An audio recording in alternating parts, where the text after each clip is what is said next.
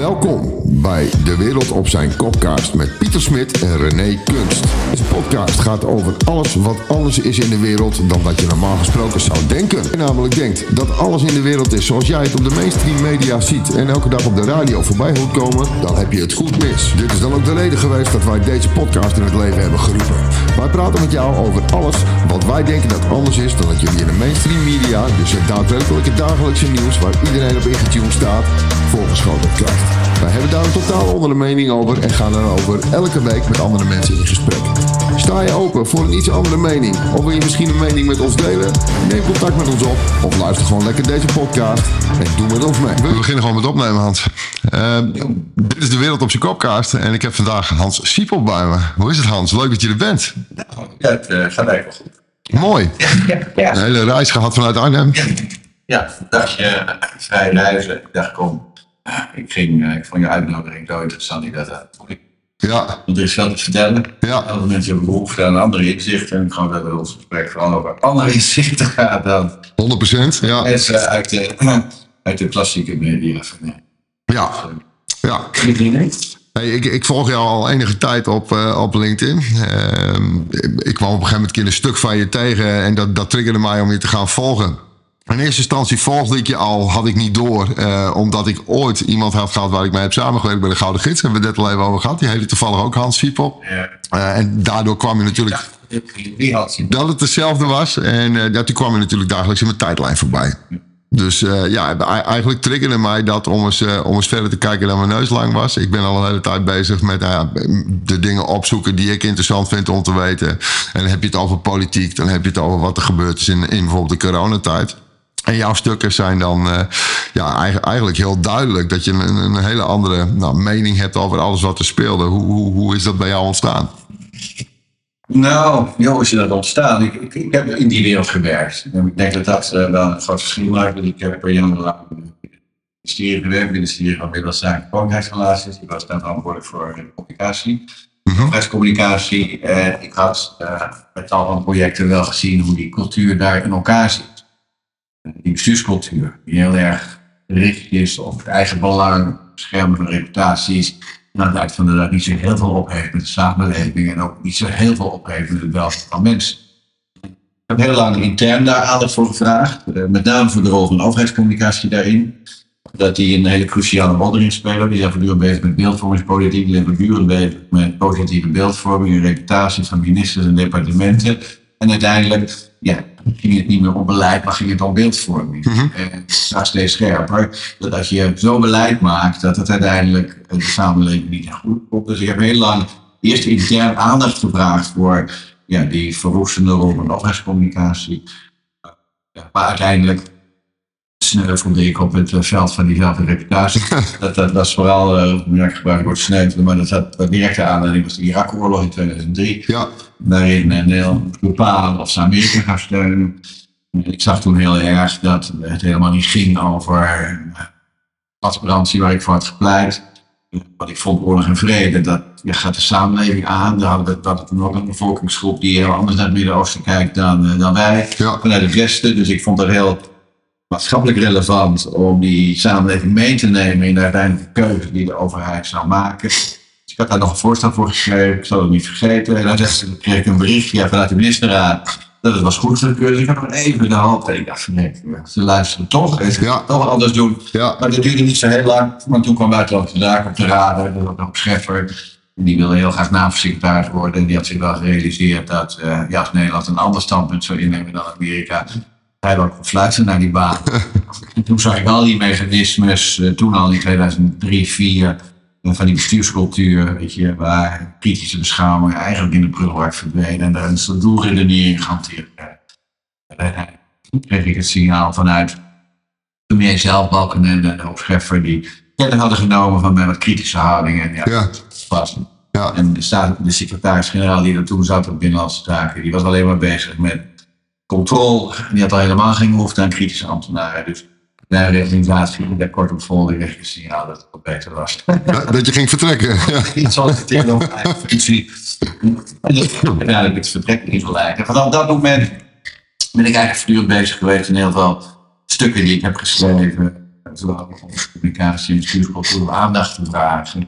Dat er iets heel ernstig mis is in de manier waarop uh, politiek bedrijven en de manier waarop uh, de samenleving bejegenen. Maar goed, dat is uh, heel lang uh, eigenlijk wat ik een beetje roepen in de woestijn. Ja. Daarna heb ik tal van parlementaire enquêtes gezien die eigenlijk hetzelfde concluderen. Ik heb dezelfde conclusie van, oh, we hebben niet geluisterd naar kritiek. Oh, we hebben de samenleving Ja. gedaan. Oh, er zijn mensen slachtoffer geworden. En ik heb wel eens gedacht, joh, maar zie je nou zelf niet in als speler, als het zo structureel is, dat het systeem het probleem is. Ja. Uh, maar nou, we hebben nu deze laatste verkiezingen in elk geval één partijleider gehad, uh, Omtzigt, die zei, nou die bestuurscultuur is echt een probleem, dan word je. Ik weet niet of dat gaat lukken. Uh, maar Maar zie, je, zie je dat niet? Want mijn, mijn gevoel daarbij is wel eens dat hij dat gewoon doet om, om de zetels te winnen. En, en is het ook echt zo? Want als, als ik. de vraag nog hier is ook voor mij, zijn er allemaal mensen die wel beter weten, maar alleen het spel spelen, Ja. zit er ook een intrinsieke motivatie. Ja, En ik heb bij opzet nog wel eens het gevoel, daar zit een intrinsieke motivatie. ja, Daar zit echt oprechte zorg. Ja, Eh, en, en, en dus ja, zolang het tegendeel bewezen is. Kijk, op het moment dat hij met veel gemak straks in een kabinet Timmermans zou stappen. ja. Gaat hij niet doen, heeft hij gezegd, hè? Nee. Dus ik, dus ik hoop dat dat punt een beetje serieus genomen wordt. Ja, Hoewel ik eh, wel de vraag heb, want als het systeem echt zo'n fundamenteel probleem is, moet je naar een heel ander systeem. ja, of dat binnen allerlei machtsverhoudingen die nu liggen, dat mogelijk is. Maar goed, ik heb eh, jarenlang eh, mijn, mijn, mijn, mijn werk besteed aan het agenderen van die bestuurscultuur. En toen corona uitbrak, had ik ook wel heel snel door. Ja, ze gaan op dezelfde manier Ja. uitrollen. Ja. Je zag die mechanismes weer. Maar met één groot verschil dat ik nog niet had gedacht dat de overheid met zoveel doorzettingsmacht en de samenleving zoveel schade zou kunnen. En wat ik ook niet gedacht had, dat men eh, zo gemakkelijk eh, 2, 3 miljoen mensen die ja, er anders instonden, dat die met zoveel inquisitiemacht, Ja. zoveel dédain en zoveel zeggen, dehumanisering werden bejegend. En Ja. daar ben ik nog wel van geschrokken, dat ik dacht, eh, hoe is het mogelijk? Ook omdat er heel veel oud-ambtenaren die ik nog ken uit mijn tijd, er allemaal leuk eh, aan hebben meegedaan. Ja, ja. Geen, geen kritische beschouwing nog hebben losgelaten. Dat heeft me nog wel meer zorgen be- be- Ja. be- be- bezorgd. Dat ik dacht, mijn hemel, aan het eind van de dag zijn ze dus in staat. Je eigen overheid, je eigen burgemeester, Ja. je eigen overheidsdienaren. Ja, die zijn in staat om, om drie, vier miljoen mensen uit de samenleving te bonjouren. En er is nog niet één geweest die heeft teruggekeken en heeft gezegd: Goh, ik moet excuses aanbieden. Nee. Ik vind dat we daar Zou het ooit gebeuren, denk je? Ja, van een twintig jaar, als je kijkt naar. eh, kijk, deze, deze politieke elite heeft wel een hele. zeggen, Een hele carrière inmiddels achter de rug van excuses aanbieden. hè, Van dingen die in het verleden gebeurd zijn. Ja. Alleen er moet er eerst 10, 20, 30 jaar tussen zitten Ja. om dan tot die excuses te komen. Dus ik denk dat we er nog even op, op wachten. En hoe langer ze erover mee wachten, hoe ingewikkeld het voor ze wordt. Omdat het niet alleen de coronatijd is eh, die, zeggen, waar heel veel misdaden zijn gepleegd.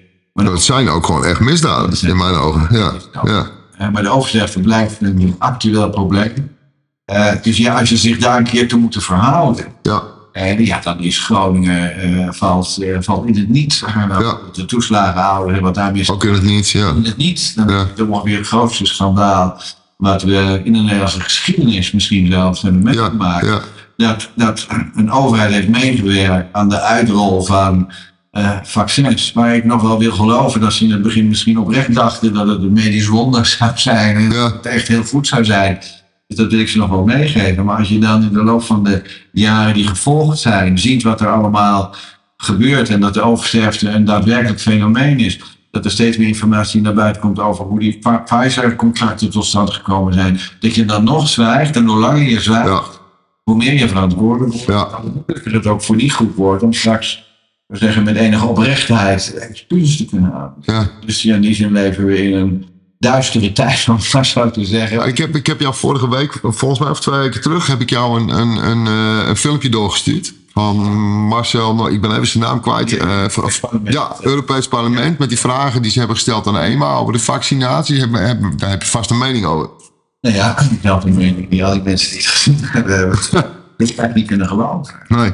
En vooral niet kunnen geloven, en dat is natuurlijk nog ernstig, waar is dat het buiten de mainstream media blijft. Kijk, Ja. een beroepsgroep is die de samenleving ontzettend eh, heeft laten zakken. U luistert naar een aflevering van De Wereld op zijn Kopcast. Voor meer informatie gaat u naar dwozkopcast.nl. Vindt u deze podcast nu leuk? Volg ons dan gelijk even op Spotify, Apple Music of YouTube. En laten vallen, dan zijn het de journalisten wel. Ja, Eh, maar als die nog steeds. En nog steeds, want als die wel de vragen zouden gaan stellen, als die hun werk gewoon zouden doen, Ja. weet je, als die gewoon zouden zeggen, jongen, wij zien dit fenomeen en wij gaan kritische vragen stellen. Ja. De verkiezingscampagne, er is geen vraag gesteld door Nee. geen journalist, Nee. door geen één eh, hoofd van een praattafel, die de politici die verantwoordelijk zijn geweest voor corona, Ja, kritisch over heeft bevraagd. Als je kijkt naar de coalitiepartij, die hebben al 40 zetels verloren, na oorlogsrecord, niet eerder gebeurd. En nee, deel van dat verlies te maken heeft met de afrekening van 100%. Ja, die wel hebben gezien en scherp doorhebben wat die partijen hebben aangedaan. En dan blijft het een schande. En dan blijft het eigenlijk eh, onbestaanbaar dat al die journalisten, niet één van hen, gewoon een kritische vraag Nee. heeft gesteld. Hoe kijkt hij er nou zelf op terug? Ja. Dat is echt verantwoordelijk. ja, Niks, niks, niks, niks. nee. Ja, en dan, dan zie je dat het niet voor niks is dat al die spelers, ik noem het de institutionele spelers, die allemaal in het machtsblok zitten, dat die bijna niks aan. Eh, wat, wat mij persoonlijk verbaast, Hans, is, is als je kijkt naar bijvoorbeeld wat. eh, eh, deze week kwamen een aantal dingen naar buiten over gemeentes en ambtenaren die fouten maken, geld, fraudezaken, paspoorten, dat soort dingen. En dan staat een, een, een, een Hugo de Jonge, Ja. eh of all people, staat daar eigenlijk te vertellen hoe belachelijk het is en dat die ambtenaren verantwoordelijkheden moeten dragen. En ik heb me daar wel over verbaasd, want ik, ik zie hem toch wel als een van de hoofdrolspelers in, in misinformatie. ja. Eh, in die hele periode, hoe, hoe zie je dat? Nee, ik probeer het, ik probeer het oprecht te begrijpen. Ik probeer echt een, in het hoofd van zo iemand te Ja, begrijpen. Die ja. Natuurlijk ook kennis heeft van de oversterfte. Tuurlijk. Ze kunnen zich er niet helemaal van, eh van distanceren. Ja, het is een, het is een, een leraar, hè, Hans? Dus, eh, Ja, goed, maar, maar, maar toch, weet je, en dan, en dan toch in je hoofd blijkbaar in staat zijn om het, om het, om het te laten afglijden. Dat je, dat je er niet toe wil verhouden. Ik vind, vind het reuze ingewikkeld om dat te begrijpen. Oh, juist omdat zoveel mensen ook vooral naar hem kijken en die dubbele moraal zien, die hypocrisie zien. 100%. We zagen het ook bij burgemeester Halsema. Ik heb nog een, misschien wel gezien, ik heb nog een berichtje over Ja, ik heb hem gezien. Ja. post zo van, ja, die nu ineens, of dat terecht is of niet, maar ineens zeggen, joh, maar we moeten om mensen heen gaan staan. Ik ja, ik wil je daar geloven, maar je woorden zijn zo volstrekt hypocriet. En Ja. Ook getekend door dubbele moraal. Want je hebt die miljoenen mensen die in coronatijd alleen stonden, uitgesloten werden. Ben je zelf nog aan het meegedaan. Ben je Ja. zelf opgeroepen, maar Ja. Beste mensen in het begin, eh, we moeten meer angst in de samenleving pompen. Ja. De burgemeester Halsema, ja, als u hoort dat er ergens een feestje is, moet u bellen. Ja. Een soort verklik, uh, Ja, ja. kliksysteem. In Het ergste wat er kan gebeuren in mijn ogen. Ja. Ja. Kliksysteem in het leven waarop. Leuke buren, leuke buren. Ja. Waarschijnlijk oprecht dat ze het meent. Hè. Van, we moeten nu om mensen heen staan. En ik kan dat, ja, ik kan het intellectueel eigenlijk niet, niet begrijpen. Dat je Nee. zelf niet ziet, dat je zelf niet doorhebt. Dat je, dat je vanuit die dubbele moraal acteert. En de enige verklaring is, is dat je je superieur maakt. Ja. Dat, je, dat, je, dat je eigenlijk elke ochtend opstaat en in de spiegel kijkt. En dat je zelf ik ben de beste keuze van de beschaving zal. Ja. Ik doe nooit dat vragen. Ik ben echt eh, ja, een soort hè. Ja, ja. Ik, ja, ik leef geen fout. Ik doe altijd het goede. En dat, ja, dat is bijna onbegrijpelijk. Dat, Ja. is haast, dat, dat is haast een psychologische afwijking. Dat je dat zo opleeft. Ah, maar dus zo zijn er natuurlijk al meer geweest. Hè. Hubert Bruls, hè. Ook, eh, ook iemand waar ik veel, eh, veel filmpjes over heb gemaakt. eh, en veel, veel naar voren heb laten komen eigenlijk in, in de dingen die ik als spreker wel op podia heb gedaan. Kijk, Begrijp jij het trouwens, hoe dat werkt in die hoofden? Wat is jouw vergelijking? Ja, ik, ik, ik denk, ja, er, er zijn twee mogelijkheden in mijn hoofd. Eén, er is echt een hele grote elite ergens boven die zegt: jullie moeten dat op die manier doen. En dan, dan zijn dat de poppen die het uitvoeren. Dat is één. Eh, twee is als we wat meer geloven in de goedheid van de mens. Eh, kijk, als je één keer macht hebt, dan heb je vaak een honger naar meer. Ehm, en als je ziet dat er een, een, een bubbel om je heen ontstaat die alleen maar ja tegen jou aan het roepen zijn, ja, dan ga je daar vaak wat sneller in mee. Ehm, ik, ik vergelijk het altijd maar een beetje met een artiest die op een podium staat. In het begin heeft hij tien mensen voor zich staan en die staat voor hem te juichen. Maar als die groep groter wordt, dan gaat hij zelf geloven dat hij echt heel goed is. Dus eh, ja, er zijn meerdere opties natuurlijk. eh, eh. ja, daarbij. Ja, ik weet, ik weet niet altijd welke ik direct moet geloven. Ik, ik, ik ben eh, wel iemand die graag verder wat onderzoekt en, en wat verder kijkt. En ik geloof wel dat, dat er gewoon een, een grote macht is in de wereld die eigenlijk meer bepaalt dat, dan dat wij willen zien. Als we iets, als we aan iets niet hoeven te twijfelen, dan is dat laatste. En dat zien natuurlijk ook steeds meer mensen. Ze maken er ook geen geheim van. Weet je, Nee. als hier bij die links-liberale elite de woorden Build Back Better eh, Ja. ook in, in het buitenland terugkomen. Je ziet het bij Biden, je zag het bij Boris Johnson, je ziet het bij Trudeau. Ja, Je ziet het ook hier. Er zijn hele grote projecten gaan in Nederland die allemaal eh, vertrekken vanuit de gedachte: we moeten Nederland eh, helemaal ombouwen. Een soort hele opbouw. ja, Anders worden. Er zijn commissies, er zijn burgemeesters in de weer. Ja, en dat plan hebben ze allemaal niet zelf bedacht. Maar Nee. het is in alle landen, Ja. is landen worden uitgerold. En dat gaat over de toekomst van een techno-digitale samenleving. Ja. Waar de mens eh, zijn vrijheid kwijt is, de gelijkheid niet meer bestaat, broederschap ook tot het verleden wordt. Ze timmeren daar druk aan de weg. Steeds meer mensen zien dat. Steeds meer mensen vragen zich af, ja, maar is dat iets wat wij willen? klopt. Tweede komen tot het inzicht. Nou, als we iets niet willen, dan is jouw toekomstvisie. Ja. Daar gruwen we van, we willen dat niet. Nee. Nou ja, en dat zie je toegroeien naar een soort frontale botsing tussen Ja. wat ik noem de menssamenleving, die steeds bewuster wordt, Ja. steeds meer dingen zich realiseert, of beseft van hé, maar dit gaat ten koste van onze vrijheid. Er blijft niet zo heel veel over van wat we zelf mogen beslissen. We moeten ons straks verhouden tot 15 minuten stelen. Gaat gebeuren. Ja, We hebben straks eh, een digitale idee. eh, we, nou ja, allemaal die dingen die in het begin werden weggezet. Nou ja, complottheorie, daar Ja. komt allemaal niks van. Maar steeds meer mensen hebben door, het is geen complottheorie, het is beleid, het wordt uitgerold. Ja, en heel veel mensen gaan zich daartegen verzetten. En we koersen denk ik toch af op een soort frontale botsing. Ja. tussen de menssamenleving die steeds bewuster wordt en, en zegt, ja, maar wij willen een ander soort klopt. samenleving. Ja, klopt. We willen Ja. dat niet. Ja. En die elite die zegt, ja, maar jullie hebben niks te willen. Wij bepalen. Ja, ja, maar- ja, die dat voor jullie gaan bepalen. ja, En die institutionele wereld, die politieke wereld, die modellenwereld, die, die koersen op een soort nieuwe collectief, collectivistische ideologie, die, die gaan het voor ons bepalen. Maar ja, ze hebben wel met een nieuw fenomeen te maken. Ja, Namelijk Ja. een samenleving die nog nooit zo bewust geworden is. Met een samenleving die nog nooit zo haar eigen informatie kan eh, Ja. halen. Daarom zie je ook die, die, die roep aan die kant. Ja, maar censuur, censuur. Want ja, Ja. het wordt een beetje ongemakkelijk als die mensen te bewust worden. Dat, luisteren ze echt niet meer. Maar ja, dat is waar we niet alleen in Nederland in zitten. Maar je ziet het in heel veel West-Europese Ja. landen. Maar dat, ja, die confrontatie groeiende is. En het enige wat die elite overhoudt is censuur. En, en, eh en bashen. En Ja. disqualificeren. Allerlei e- etiketten opplakken. Weet je, eh, fascistisch, extreem rechts, noem het maar op. Het grote gevaar van die groep is dat ja, als je dat soort woorden zo gemakkelijk gebruikt. Dan hebben ze geen enkele betekenis meer. Zolang hebben al die woorden, democratie, rechtsstaat, fascisme. Het heeft bijna geen betekenis. klopt. Nee, En die samenleving die zegt, ja, je kan dat wel opplakken. Maar het is niet wat mij motiveert. nee, Wat mij motiveert is oprechte zorg. Ja. Wat mij motiveert is oprechte zorg over waar jullie mee bezig zijn. Mijn, eh, mijn zorg is dat de vrijheid van meningsuiting echt door jullie in het geding komt. ja, Dat is mijn zorg. ja, dat zijn oprechte zorgen. ja, En die kan je wegpoetsen met, ja, uite- uiteindelijk zal het systeem zover, als ze echt hun plannen doorzetten, dan is er voor het systeem maar één mogelijkheid. ja, Democratie afschaffen. ja. Het gaat, Rechtsstaat afschaffen. het gaat voor mijn gevoel ook wel gebeuren. Kijk, want ik probeer altijd Het dat is toch wel leuk. Ja, ik, ik, denk dat het ook moet gebeuren misschien wel. Want kijk, ik probeer mensen altijd een beetje in hun ogen te openen door... Nou, we hebben het er net in het voorgesprek al even over gehad. Een beetje zaadjes planten. En ik heb het dan bijvoorbeeld over...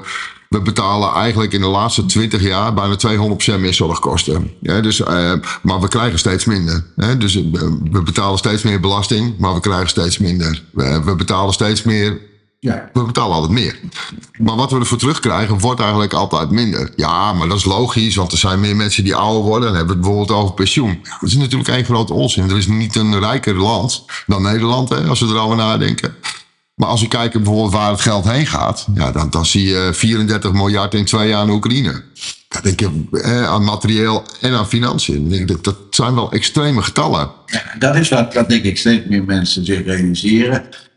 Er is best een sympathie voor, voor hulp aan buitenland. En Ja, ik weet ik wil het hier niet hebben over hoe je die, in die oorlog staat. Waren heel veel mensen, ik ben er één aan die zeggen, ja, maar dat in dit tijdsgericht echt dat we beschaafd waren door een bar barbaarse oorlog voeren. Ja. Dat is het Ja. barbarisme. Ja. Het gaat niet over die honderdduizenden jonge mensen die inmiddels gesneuveld zijn in Oekraïne. Weet je? Zoals in dat tijd eh, de regering Balkenende en, en de opschrijver Nick wilde weten van die 700.000 Klopt. Irakezen die plat gebombardeerd zijn. Weet je? Ja, elke keer laat het systeem en dat soort representanten van het systeem zien. Maar dat interesseert ons echt. Nee. Maar, eh, die Nee. interesseert ons echt geen ene Klopt. moor. Ehm, maar het wordt wel steeds ingewikkelder om een bevolking te overtuigen van dat je het klimaat moet redden. Waarvan heel veel mensen zeggen, ook op basis van eigen informatie en onderzoek, heeft het alleen met de mensen te maken of zijn er ook andere processen nog in het geding? En dan kan je mensen niet uitleggen dat je 40 miljard reserveert. U luistert naar een aflevering van De Wereld op zijn Kopcast. Voor meer informatie gaat u naar twozkopcast.nl Vindt u deze podcast nu leuk? Volg ons dan gelijk even op Spotify, Apple Music of YouTube. voor de bijdrage die Nederland dan levert aan die klimaatsverandering, wat, Ja. wat een, wat een, zo zeggen, een wereldvraagstuk is. Is Zo'n klein landje moeten we dat wel... Ja.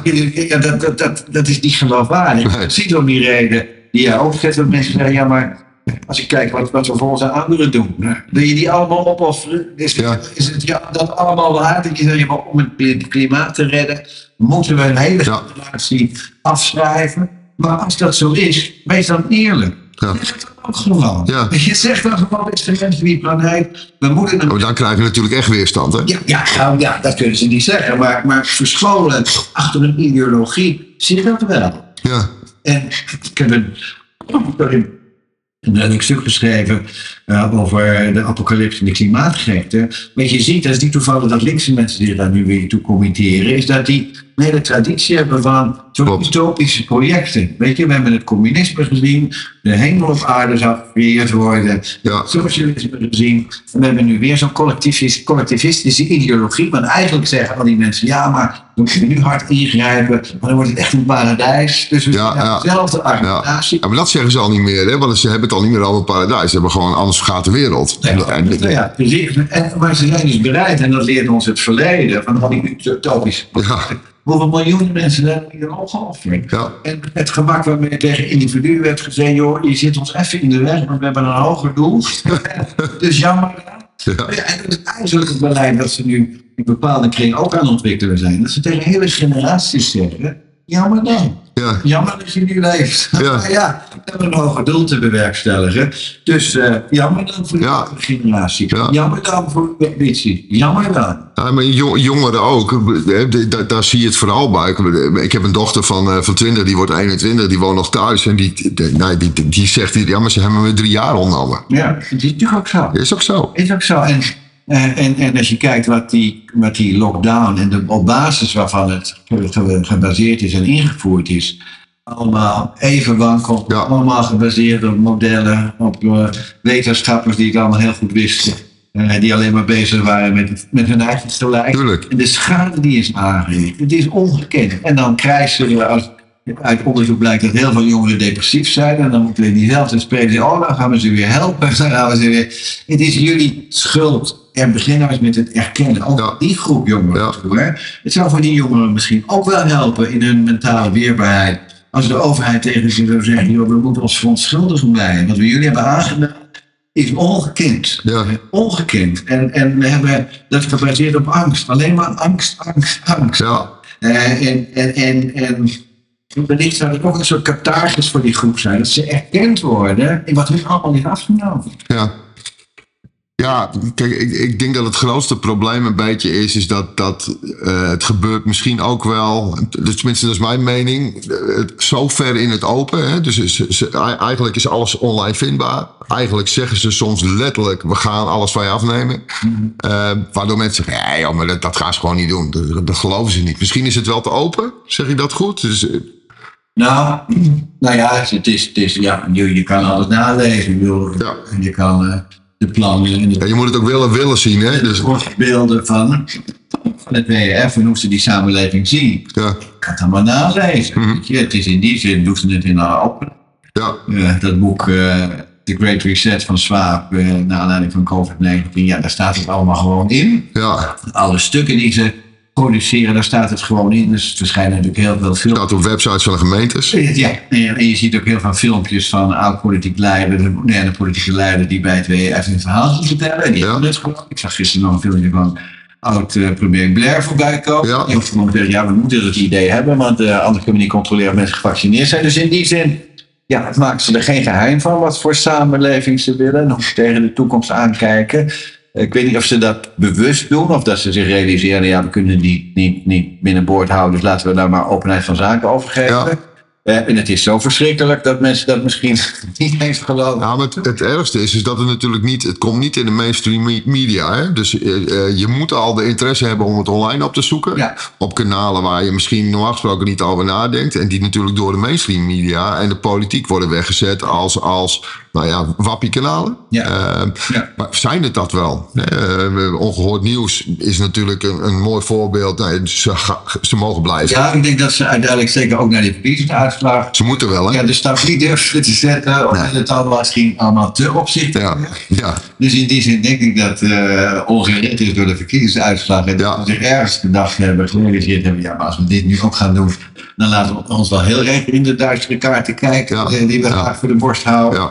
Eh, in die zin is dat ook wel weer, zo zeggen, iets waar je over mag zijn. Ja. Dat je ziet dat het speelruimte aan die kant wel eh, ingewikkeld wordt. Kijk, ze gebruiken natuurlijk wel... ja er, zit- er zit ondertussen een beetje een rem op. Dat, dat, Ja, maar ze gebruiken natuurlijk wel andere woorden van vrijheid van meningsuiting en, en, en, Ja. en, rechtsstaat en democratie en eerlijk en Ja. oprecht en vertrouwen. Weet je, een discours. En de woorden zijn nog wel allerlei woorden die, ja, wij weten inmiddels, en heel veel mensen weten inmiddels ook dat die geen, inspira geen energie meer hebben. Dus Klopt. die een beetje voor het gemak gebruiken. Maar het zijn wel woorden eh, waar werkelijkheid achter zit. Zeker. Waar de samenleving nog wel waar aan hecht. Dus het wordt wel ingewikkeld voor ze om het overeind te halen. Ja. En dus je ziet dat het speelruimte, ook met deze verkiezingsuitslag, wordt toch enigszins beperkt. Eh, en dan kan je wel heel hoog de toren blazen. En dan als wel eh, wit hoogopgeleide mensen de demo, op gaan demonstreren met bordjes voor ik ben moslim. En, ik, en dan zegt een deel van die moslimgemeenschap, joh laat ze op. Ja. Wat dat is maar. Ja. Ik is een mooie term, ik gebruik graag graag. Ze doen dat vanuit een soort narcistische compassie. Ja, woorden, ze doen dat helemaal niet om de ander te steunen. Maar ze doen dat om, om weer te showen. Kijk, ons goed wezen. Kijk, ons Ja. deugen. Kijk, ons hoogtepunt van de beschaving zijn. Ja, en dat wordt wel steeds ingewikkelder. Ja. Dat zijn wel hoopvolle dingen. Nou, het, het, is, het is al heel tegenstrijdig. Hè? Want eh, als ik nu, de, nou ja, pak vanaf vorige week woensdag hebben we verkiezingen gehad natuurlijk. Eh, nou, daar kan iedereen van alles van vinden. Dan wordt de PVV de grootste. Nou, dat, dat komt door de strategische stem, zeg ik, die door de media heel erg naar voren is geduwd. En je moest strategisch gaan stemmen. Dat was continu in het nieuws. Van het Timmermans. Die man moet zich wel heel ongelukkig voelen. Ja, nou, maar die is ook zo tegenstrijdig, Hans. Want als je erover nadenkt, eh, hij stond daar, verkiezingsuitslag, ze 7, 8 zetels gegroeid in totaal. Hè? Dus we hadden 17, zijn nu 25, ze hebben 8 zetels gegroeid. Ehm, maar ze hebben zich daar lopen aanstellen eigenlijk als, als een klein kind. En, en alsof ze groot verlies hadden geleden. En dit is echt verschrikkelijk voor het volk. En er moeten demonstraties komen. En dan zeggen ze aan één kant, schouder aan schouder, arm in arm. En aan de andere kant zetten ze die partij en die hele grote groep mensen die allemaal op rechts hebben gestemd, dus gewoon bijna 50% van de bevolking en, en de stemmers, die zetten ze weg als, eh, ja, maar het is belachelijk en het is een gevaar voor de maatschappij. Het is dezelfde reactie als de niet gevaccineerde eh, collega. Zelf aan Ja, trekt ja, een goede parallel. hem inderdaad. ja. Hebben niet het juiste gekozen. Als je de juiste kiest, dat wij voor je Ja. hebben. Ja, dan is er iets mis. Dan Ja. ben je dom, dan ben je extreem rechts, dan ben je fascistisch. Ja. En ik zag gisteren... Iedereen is gelijk, maar je moet wel zeggen wat ik wil horen. Ja, Ja. Gisteren zag ik een uh, Jette werd daar ondervraagd door eh, die pauwjournalist, oud-pauwjournalist, ik ben zijn naam even kwijt. En die zei, ja maar waarom heeft hij op die verkiezingsavond geen respect laten zien? Ja, Waarom bent u, gaan polariseren? Waarom bent u de kaart van angst gaan spelen? Nou, had er niet een echt antwoord op, maar het was wel de terechte vraag. En in die zin kan je, ze zeggen Timmermans, eh, ook al die mainstream kranten, al die opgewonden journalisten eh, en objecten eh, ernstig aanrekenen. Dat ze in hun reactie al niet bezig waren met het belang van de samenleving. Nee. Integendeel, ze hebben gepolariseerd. Ja, Ze hebben groepen tegen elkaar opgezet. Nou, als je als politicus zo in, het, in, het, in, de, in de democratie staat. En dat je dan zo de rechtsstaat zelf bruskeert. ja, En, en een democratische uitslag betwist. En die Ja. roept, eh, dit is geen democratie, eh, hier moeten we gaan tegen demonstreren. Ja, dan ben je zelf de architect. Ja. Dan, ik zou zeggen, de omwanteling van de democratie. En, dan, en dan, moet je, ja, dan moet je misschien even een tijdje zwijgen. Of je moet zeggen, ja, maar wat wij leren vanuit eh, Klopt. is dat wat de kiezer uiteindelijk heeft uitgesproken, niet het resultaat van ons beleid. Ja. En dan zou je naar. Ja, maar dan moeten ze toegeven natuurlijk aan fouten die ze hebben gemaakt. En dat gaan ze nooit doen. Nee, want dan moet je zelf kritiek gaan doen. Ja, Dan moet je gaan Ja. reflecteren op, maar waar, waar, waar hebben wij de afslag gemist? ja, Ja, en als ze daar zich serieus toe gaan verhouden, ja, dan moeten ze uiteindelijk tot een ander inzicht komen. 100%. Ja, Ja, dat, ja, andere inzicht past niet binnen al die grote plannen die ze Nee. hebben. Ze kunnen natuurlijk niet ineens zeggen, ja, misschien heeft u een beetje gelijk. Ja, misschien is het ook een beetje gekkigheid van ons dat we menen dat wij die klimaat kunnen redden. Misschien is het ook wel een beetje oneerlijk om tegen oude mensen te zeggen, joh, we halen eh, het belang van jullie weg. En we- zetten dat geld in voor een ander belang. Ja, die, tot dat inzicht kunnen ze niet komen. Nee. Dat is existentieel. Dat Ja. Alles waar ze voor staan, dat moeten ze dan loslaten. ja, Ja, loslaten in het mensenleven is al heel erg ingewikkeld. hè. Daar gaat daar is vaak crisis voor nodig om, tot een ander inzicht te komen. Maar voor die politieke partij is het een existentie. ja, ja, Wanneer die samenleving zegt, ja, dat mag jouw existentie zijn, maar die is onze ondergang. ja, ja, En hoe gaan we dat nou oplossen met elkaar? ja, Ja, en dat is nogmaals, ik zei het al eerder, we hadden het er al eerder over. Dat is een beetje het speelveld waar we in terecht ja. zijn. Ja, ik, ik, eh, zie, jij, zie jij bijvoorbeeld corona en die, en die QR-situatie ook een beetje als een test voor de toekomst? Nou ja, wat het geleerd heeft, is het gemak. Dat is het zorgelijke. Gemak waarmee niet alleen politici, maar ook bestuurders en burgemeesters eh, en tal van bekende Nederlanders eraan meegedaan hebben. Dat is de echte grote zorg die we zouden moeten hebben. Dat we ons realiseren. En ook de mensen die er misschien voor waren, Ja, die moeten zich ook realiseren. Maar morgen ben jij aan de beurt hoor. Als je wat anders vindt, zo makkelijk doen ze Ja. over. Zo gemakkelijk zetten ze mensen aan de kant als minderwaardig. Eh, Zo gemakkelijk zetten ze mensen uit de samenleving. Ja. Ja, Ja, en, en dat we daar nog steeds geen groot helingsdebat over hebben gehad. Dat we nog niet als samenleving, zou zeggen, onze trauma's hebben kunnen laten zien. ja. En dat dat serieus Maar er wordt ook niet naar geluisterd. Nee, en, en in die zin. Ik heb vorige week, een paar maanden geleden, een nieuw boek verschenen, Koningsbrief heet dat. Ja. En daar, daar trek ik ook parallellen met het verleden. Dat, ik zou zeggen, we nooit als samenleving geleerd hebben om stil te staan, ja, 40 jaar daarna, maar Ja. stil te staan bij de trauma's die mensen hebben opgelopen. Dat, dat, dat, dat is het grote zwijgen. We hebben het grote zwijgen naar de oorlog gehad. We hebben het grote zwijgen gehad naar de, de militairen die terugkwamen van Srebrenica. Ja. Wilden hun verhalen niet horen. Nou, Nee. uit eigen ervaring wat dat betekent. We willen het niet horen. Nee. En nu doen we het weer. Er zijn zoveel mensen getraumatiseerd. Er zijn vriendenkringen uiteengedreven. Er zijn families die hun kinderen zijn kwijtgeraakt. Er is ontzettend veel kapot gemaakt. Ja. Kapot gegaan. Ja, en wil je als samenleving weer tot elkaar komen, dan moet je dat een keer durven benoemen en Ja. helen. En dan moeten de daders durven kijken naar de schaduwkanten in hunzelf, die dat Ja. ook hebben gedaan. U luistert naar een aflevering van De Wereld op zijn Kopcast.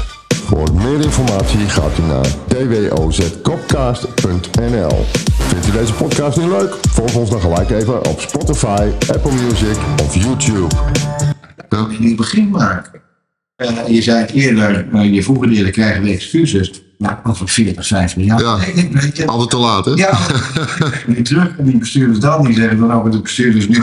Nou, wat een vullis was het eigenlijk. Ja. Dat het mogelijk maken. Excuses, excuses. Maar is toch gek? Want als je, als je erover nadenkt, dan zou het eigenlijk hun zijn verantwoordelijk. Hun, zijn, hun zouden eigenlijk, je wil de excuses van hun. Over, over wat hun hebben gedaan. En niet, niet over 40 jaar. En de samenleving hunkert zou, kijk, in Zuid-Afrika hebben ze toen in die apartheidsjaren is er een soort, ja, een soort helingscommissie. Weet je, we, we kennen die beelden nog.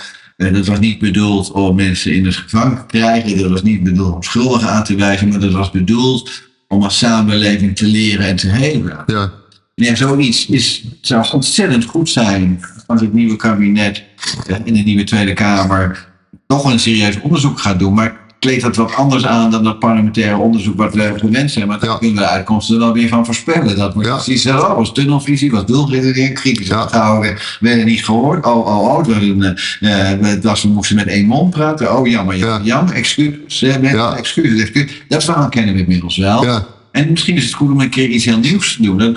In Engeland zijn nu eh, onderzoeks, eh, is een onderzoekscommissie gaande. En wat ze daar doen is niet alleen we zeggen, parlementariërs aan het woord laten, maar een externe onderzoeker die ook belangengroep aan het woord laat. oké, interessant. Om te ondervragen. Ja. Het heel goed zijn dat een deel van de getroffen Hugo de Jong is, zou die mogen ondervragen. Is Ja. een publieke sessie. Gewoon Ja. stellen, joh, maar was je niet bewust? Heb je gerealiseerd wat voor pijn je me gedaan hebt? Ja. Een beetje zoals Rutte toen met, met, met eh, een, van, een van die toeslagenslachtoffers in het vorige... Ongemaakt? ja, nou, hij, als een gladde aal eh, ging hij eruit. Ja. Ja. Ja. Maar Hij ja, heeft ook nooit antwoord gegeven waar ik om te vragen. nee. Maar zoiets zou voor de samenleving wel ontzettend heen kunnen. Ja, al die mensen die klap eh, hebben gekregen. Ik ken persoonlijk iemand die heeft daar twee dochters verloren in deze corona. Ja, niet Ja. corona, maar aan verschil van mening en visie. ja. Ja, dat is nogal Dat wat. is net zo erg misschien, hè? Ja, dat, Ja. ja. ja misschien nog wel erg. Ja, ja. Dat is nogal wat. Ja. En al die mensen die, met al die bijwerkingen die lopen van het vaccin. Ja. Al die mensen die hun dierbaren zijn verloren door het vaccin. Ja, die, die zitten allemaal nog met onverwerkt verdriet. En die hebben geen erkenning gehad. Die hebben niet gehoord van excuses gehoord. Nee. En, diezelfde, toen zeggen daders, Ja. zeggen, die als ze dan bij terugkijken goede uitspraak dus. ja, op onze slavenverleden, dan, dan zeggen ze, nee, maar het is zo belangrijk dat we getroffen, en dat is ook zo, erkenning krijgen. Ja, ja, ja. Al die mensen die de excuses krijgen, die zeggen dan ook, we zagen het ook bij al die seksueel misbruikten in instellingen, in katholieke kerken, die zeiden, maar het is zo helend dat ik nou gewoon eens hoor, Ja, excuses, excuses, dat helpt mij. ja. Datzelfde is nu een, een enorme behoefte bij heel veel mensen in de samenleving die Ja. de duizenden coronajaren met verbijstering hebben aanschouwd. Ja, Die willen ook eens horen en worden in hun leed. Alleen, nou ja, dan moeten dat de huidige daders doen. ja. Ja, en dat kan dan nooit zonder consequenties. Ja, dat gaat niet gebeuren, denk ik. En, en ik, ik, ik had bijvoorbeeld de afgelopen jaar 5 mei. We, we, we vieren onze vrijheid. Ik, ik heb me nog nooit zo schijnheilig gevoeld. Ik, Ja. ik stond daar op een gegeven moment met, eh, met, mijn- met mijn vriendin en mijn dochter. En we, nou ja, je staat de vrijheid te vieren. Maar staan we nu eigenlijk wel de vrijheid te vieren? Zijn we niet gewoon allemaal schijnheilig bezig? En moeten we gewoon niet met z'n allen dit nu aangrijpen om te zeggen... we hebben geen vrijheid. Ja, wat is de betekenis van al die ceremonies? Ja, maar wat is vrijheid? Ja, ja. Ja. ja. dat heb je inmiddels van de, Ja. de huidige machthebbers begrepen. Nog sterker, die zeggen eigenlijk mensen over woorden. Joh, maar die vrijheid, Ja. als jullie heel lang gedacht hebben, dan gaan we nog een eind aan maken. Ja, ja, Want we hebben, als je in Utrecht woont, een klein detail. hè, dan vond je het leuk om een vuurtje te stoken. Nou, die vrijheid, die, Die heb- vrijheid, ja. die heb je straks vanaf 1 januari. Er is er heel veel vrijheden. Ja, daarvan ontdekken we steeds meer. Ja. Dat degenen die daar het hardst over roepen. En, en Rusland de maat nemen. Terecht over is van ja maar. En Ja. natuur de maat nemen. Ja, Ja. maar. Ja, Ja, die blijken in hun, in hun bewoordingen steeds hypocrieter te zijn. Ja. Misschien is dat wel het kenmerk wat steeds meer mensen ontdekken. En daar die woorden ook niet meer geloven. En daar Nee. betekenis bij. Nee. Je merkt het niet. Nee. nee, klopt. Nee, dat is het ook. Eh, we hebben het straks even gehad over, over de boeken die je bent gaan schrijven. Eh, en dat je graag mensen wil informeren. Eh, waar is dat door ontstaan? Ja, maar is dat door onszelf? Moment ontdekte ik zo van dat het een soort levensmissie is. Ja. Ja, en waar je ook ging. Eén op, kwam dat van de een op de andere dag? Of, of is Ja, dat een proces geweest? Het is heel erg ziek. Eh, Eind jaren negentig. Ja, Eh, En dat was een. eh, ik, ik bleek aids te hebben, dat was in die tijd nog wel een Ja. doodsbedreiging. Dus Ja. dat, wat, eh, ik kan zeker weten dat opgebouwd en carrièreplannen, mensbeelden en wereldbeelden. Dat ging allemaal in één keer onderuit. Dus ik moest iets nieuws Ja. opbouwen. Achteraf kan ik erop terugkijken dat ehm, dat een, een beslissende fase in mijn leven is geweest. eh, wat heel wel, wel, wel hoge impact. ja, wat heel Ja. zeker, maar dat maakt ook heel veel mensen door. Ja, Het is een prachtig boek overigens, De Held met de Duizend Gezichten. Dat is een boek Ja. van, eh, van eh, Campbell, Joost Campbell, die schreef het al in de jaren 30. En in dat boek onderzoekt hij eigenlijk alle sprookjes, alle oude verhalen, religieuze verhalen. En ontdekte dat daar soort levenslessen had ik gehouden. En het- dat een mythologische heldenroute. Eh, dat is eigenlijk een soort les van het leven. Ja. Het leven is niet, zoals velen ons willen doen geloven, het uitbouwen van alle risico's. Maar het leven gaat over dat je soms een ingrijpende gebeurtenis hebt en dan begint het leven pas. Ja. En dan moet je Ja. leven, dan valt alles wat je ontdekt hebt omver en dan moet je tot nieuwe inzichten komen. Ja. Dat leidt bij heel veel mensen die zo, door zo'n crisis gaan altijd tot andere inzichten, tot Ja. nieuwe inzichten. Nou, zo overkwam het mij ook. Het is eigenlijk een soort van wedergeboorte, alleen dan van je geest en je denken. Ja, een soort avontuur. avontuur. Ja. En dan ontdek je dat, dat ja, heel veel wat je vertelt, dus in heel veel dingen die je zelf hebt eigen gemaakt, dat die niet kloppen. Nee. Nou, heel veel mensen hebben door corona, door de coronacrisis dat ook ontdekt. Dat Ja. ingewikkelder voor autoriteiten en oude denkers, dat er een grote groep mensen tegenover hen is komen te staan en die zeggen, net zoals Galilei deed hè, tegen die christelijke eh machthebbers toen, die zei ja, maar jullie definitie van de werkelijkheid klopt niet. Nee. Echt dat het eh, plat is, maar het is niet plat. Nee. We zitten in een vergelijkbare, Ja. vergelijkbare situatie waar steeds meer mensen zeggen, en ook ik zelf, zo van ja, maar wat je beweren klopt niet. In, Nee. in jullie woorden, in jullie inzichten en mensen en wereldbeeld kloppen niet. Ja, zo is mij ook over, over, overkomen. Ik ben vooral bij de oude wijsheid terechtgekomen. ja. En Hoe kwam je daarbij? ja, ja, dat is een soort proces wat dan gestart wordt. Een beetje doordat ik iets nieuws moest vinden. En verhouden van gedachte dat het niet goed uit zou gaan. Ja. Eh, ja, kom je in, in, in aanraking met allerlei andere mensbeelden, wereldbeelden. Ja. Ja, zo is het gegroeid. En eh, toen kwam ik eigenlijk steeds meer voor mezelf tot in te inzicht. Ja, maar ik moet erover schrijven. En die oude wijsheid bleek voor mij in elk geval veel meer waarde te hebben. Ja. En veel actueler te zijn Ja. dan heel veel eh, zogenaamde wetenschapsmodellen die we nu hanteren. Ja. Ja, zo kwam ik eigenlijk tot de ontdekking dat ik daarover moest schrijven. Ik begon eigenlijk met mijn moeder. En dat was mijn eerste boek ook. Eh, mijn moeder ging dementeren. En ja, de medici zeggen, nou, dan het bewustzijn af. Ja. En ik had in de oude wijze ontdekt dat, wij, dat ze dan een heel ander mensbeeld hanteren. Daar zijn we bezield en dan Ja. een sterfelijke ziel. Ja. Dus ik dacht, ja, dan kan, als je dat mensbeeld hanteert, kan de redenering van die medici niet kloppen. Dan sterft het bewustzijn niet af. Wat je Nee. wel kan volhouden, is dat het bewustzijn elders gaat Zeker. naartoe gaat. Nou ja, en, en toen bleek mijn moeder in haar dementieproces een enorm trauma mee te dragen waar ze nooit over gesproken had. Nee. Dat bleek seksueel misbruik te zijn. Oké. En dat opende ons wel de ogen. Daardoor heb ik haar veel beter leren kennen. Tuurlijk, Over ja. haar verleden en hoe ze was als moeder en in de opvoeding.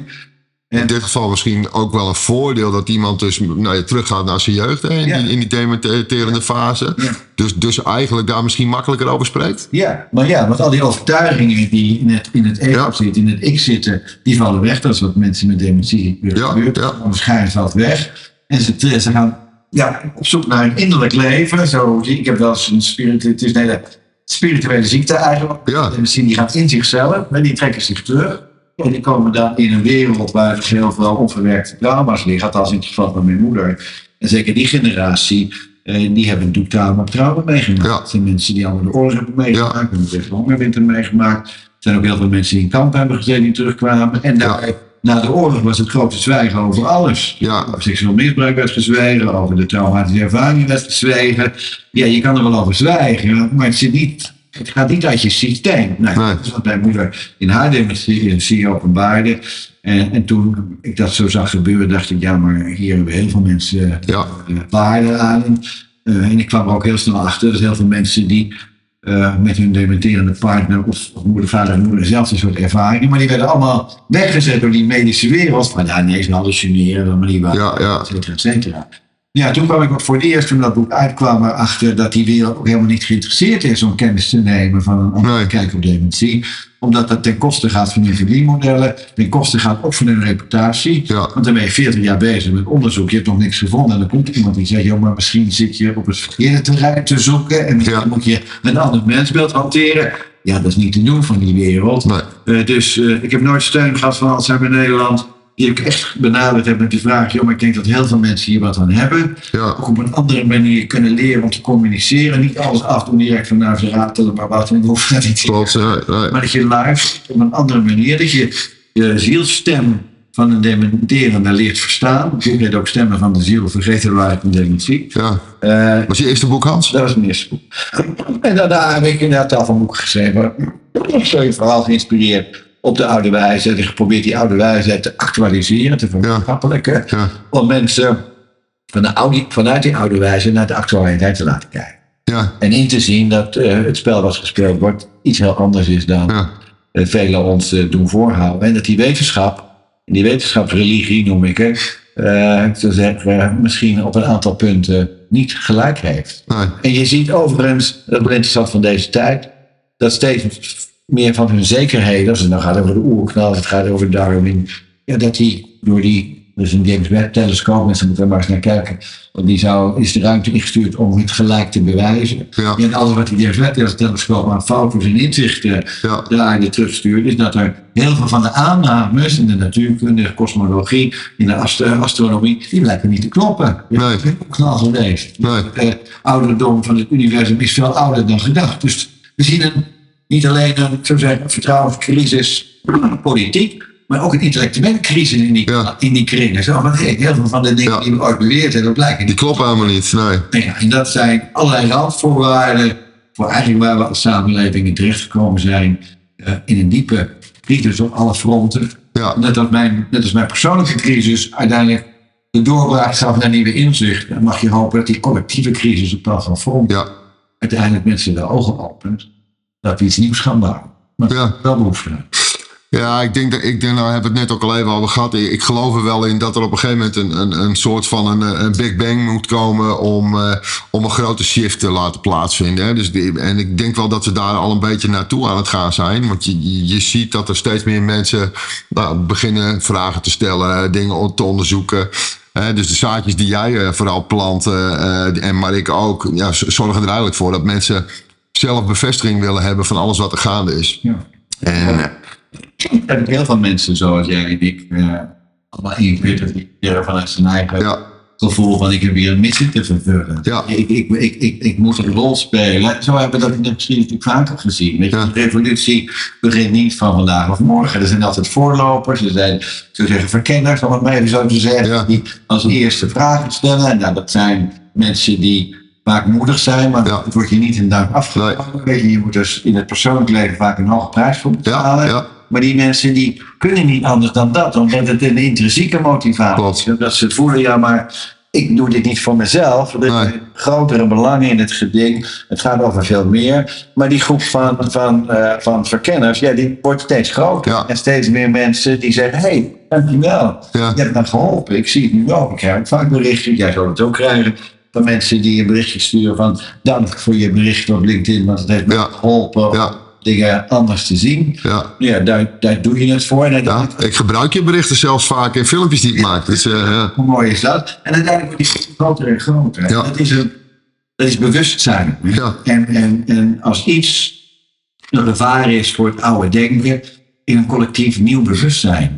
omdat die daar niet meer uit de voeten kunnen. Leuk. Omdat die voortdurend door zeggen vragen stellen. Ja, ja. prikken. Ja. En zeggen, maar je hebt niet gelijk. Nee, Eh, Nee. En je kan wel zeggen dat mijn ervaringswerkelijkheid er niet toe doet. Maar dat is een beetje het kenmerk van die modellen, modellisten die zeggen, we hebben niks met de ervaring van mensen. nee. Het meest extreme was natuurlijk wel die gekke regel dat die boer hun aardappels eerder... Ja, ja, ja, ja. Zei de boer op basis van ervaring, zei, ja maar dat kan niet. Is niet handig, nee. Je handen, het is nog niet volgroeid. Je kan het Ja. model wel loslaten op je werk, maar de ervaringswerkelijkheid is een andere. Ja, Ja, die groep van ervaringswerkelijkheid, van mensen die dingen doorkrijgen, die vragen stellen. Eh, en dat is weet je, de keerzijde van dezelfde technologie die op een gevaar in zich draagt. Maar vooralsnog eh, kan het ook benut worden en dat wordt volop benut mensen die informatie delen. ja, En die groep wordt groter en groter. Dan wordt het voor de oude denkers steeds ingewikkelder. Net als in de tijd van Galilei. Kijk, Galilei werd ook kant-christiaans. Ja. Maar uiteindelijk kreeg hij zijn gelijk. ja, ja. Omdat, omdat steeds Ja. meer mensen zijn kant kozen en tegen de toenmalige christelijke machthebbers zeiden: Ja, maar we gaan niet meer mee met je dominantie. We accepteren je macht niet meer. Nee. We accepteren je overtuigingen niet meer. Nee. We accepteren je moraal niet meer. En toen is er iets heel nieuws ontstaan. De Renaissance, dat was een bloeiperiode. Ja, Ja, en, en als de tekenen niet bedriegen, dan zitten we misschien wel weer in de overigen van een soort nieuwe renaissance. ja, Waar we iets heel nieuws gaan bouwen, waar heel veel mensen zich nu nog geen voorstelling van kunnen maken. nee. Maar dat nieuwe zou gebaseerd zijn op, op, op, ik wil zeggen, menselijke waardigheid, op fatsoen. Dat Ja. we iets geleerd hebben wat de Laten we het hopen. ja, en Ja. we iets geleerd hebben van de afgelopen jaren, van corona, dat fatsoen, dat moraal, dat ethiek, dat compassie, Ja. mededogen, allemaal geen enkele rol hebben gespeeld. Nee, En heel veel mensen hebben dat doorgekregen. En die die samenleving willen we niet. Nee. Vind ik wel een hele mooie om richting het einde te gaan, eh, Hans. Want uh, ik, ik denk dat, dat mijn grootste doelstelling, en je mag die van jou natuurlijk ook nog even vertellen, mijn grootste doelstelling is eigenlijk mensen nieuwe inzichten te geven door informatie te delen. En uh, jij doet dat ook, voornamelijk op LinkedIn. Hè? ja, voor mij is het eigenlijk heel simpel mensen hoeven het niet met me eens te zijn als ze maar gaan nadenken. Uh, en dat is de reden, dat, dat is mijn missie. Hoe, hoe is jouw missie? Is ook een beetje die kant op? Of? Ja, en ik, ik verwijs dan vaak naar de, naar de oude wijsheid. ja. En, en uh, probeer in al mijn tekstjes en de boeken die ik erover schrijf, dat je mensen voor te houden, zet deze bril eens op. Ja. Ik denk niet dat de wetenschap zaligmakend is. De wetenschap nee. heeft heel veel goeds tot stand gebracht maar loopt een beetje tegen haar eigen grenzen aan. En dat je de bril van de oude wijsheid opzet, die door die wetenschap altijd weer een beetje, dus daar is gedisqualificeerd, dat is primitief en daar hoef je geen kennis van te nemen. Ik en velen met me hebben ontdekt dat juist die oude wijsheid in dit actuele tijdsgevricht veel grotere zeggenschap heeft, om, ja. om zeggenschap heeft om dingen te begrijpen. Ik, ik geef mijn mening, maar verwijs dan ook vaak je hoeft, net wat jij hoeft het niet met me eens te zijn, maar verdiep je eens ja. in die oude wijsheid. Kijk eens wat voor mensbeeld daar een rol speelde. En probeer je eigen ervaring te ontdekken of dat mensbeeld misschien wel ja. meer bij jezelf aansluit. Precies. Dan wat wetenschappers je vertellen. Want die zeggen, oh je bent maar je brein en we gaan nou straks een transhumane mens en je krijgt chipjes in je hoofd. En, en die ervaring van jou. Laat zien. Ja, ervaring van jou doet er niet toe. Nee spiegel dat is met wat de oude wijsheid van jou ja. Jezus vertelt. Ja. En, en stel jezelf dan de vraag, maar is dat niet zelf meer wie ik ben? Ja. Ik zou hier wel eens verder met jou willen praten. Gaan we doen. Helemaal leuk. Hey, uh, Hans, dankjewel. Uh, super dat je helemaal vanuit Arnhem naar het uh, mooie, mooie Friesland, ja. de moeskelijke naar Groningen. Kom ik volgende keer naar Arnhem. Lijkt me een leuk verhaal. Ja, dat is... Helemaal goed. Hey, Hans, dankjewel dat je er was. En nou, maak er nog een mooie dag van. En we spreken elkaar snel weer. Zeker. Dankjewel. Dit was een aflevering van De Wereld op zijn Kopkaart. Vind je dit nou leuk? Of wil je met ons meepraten? Laat het ons dan weten via onze social media kanalen. Je kunt ons vinden op Facebook, Instagram, YouTube, TikTok en X onder de wereld op zijn kopkaast. Of stuur ons een e-mailbericht naar dewereldopzijnkopkaast.gmail.com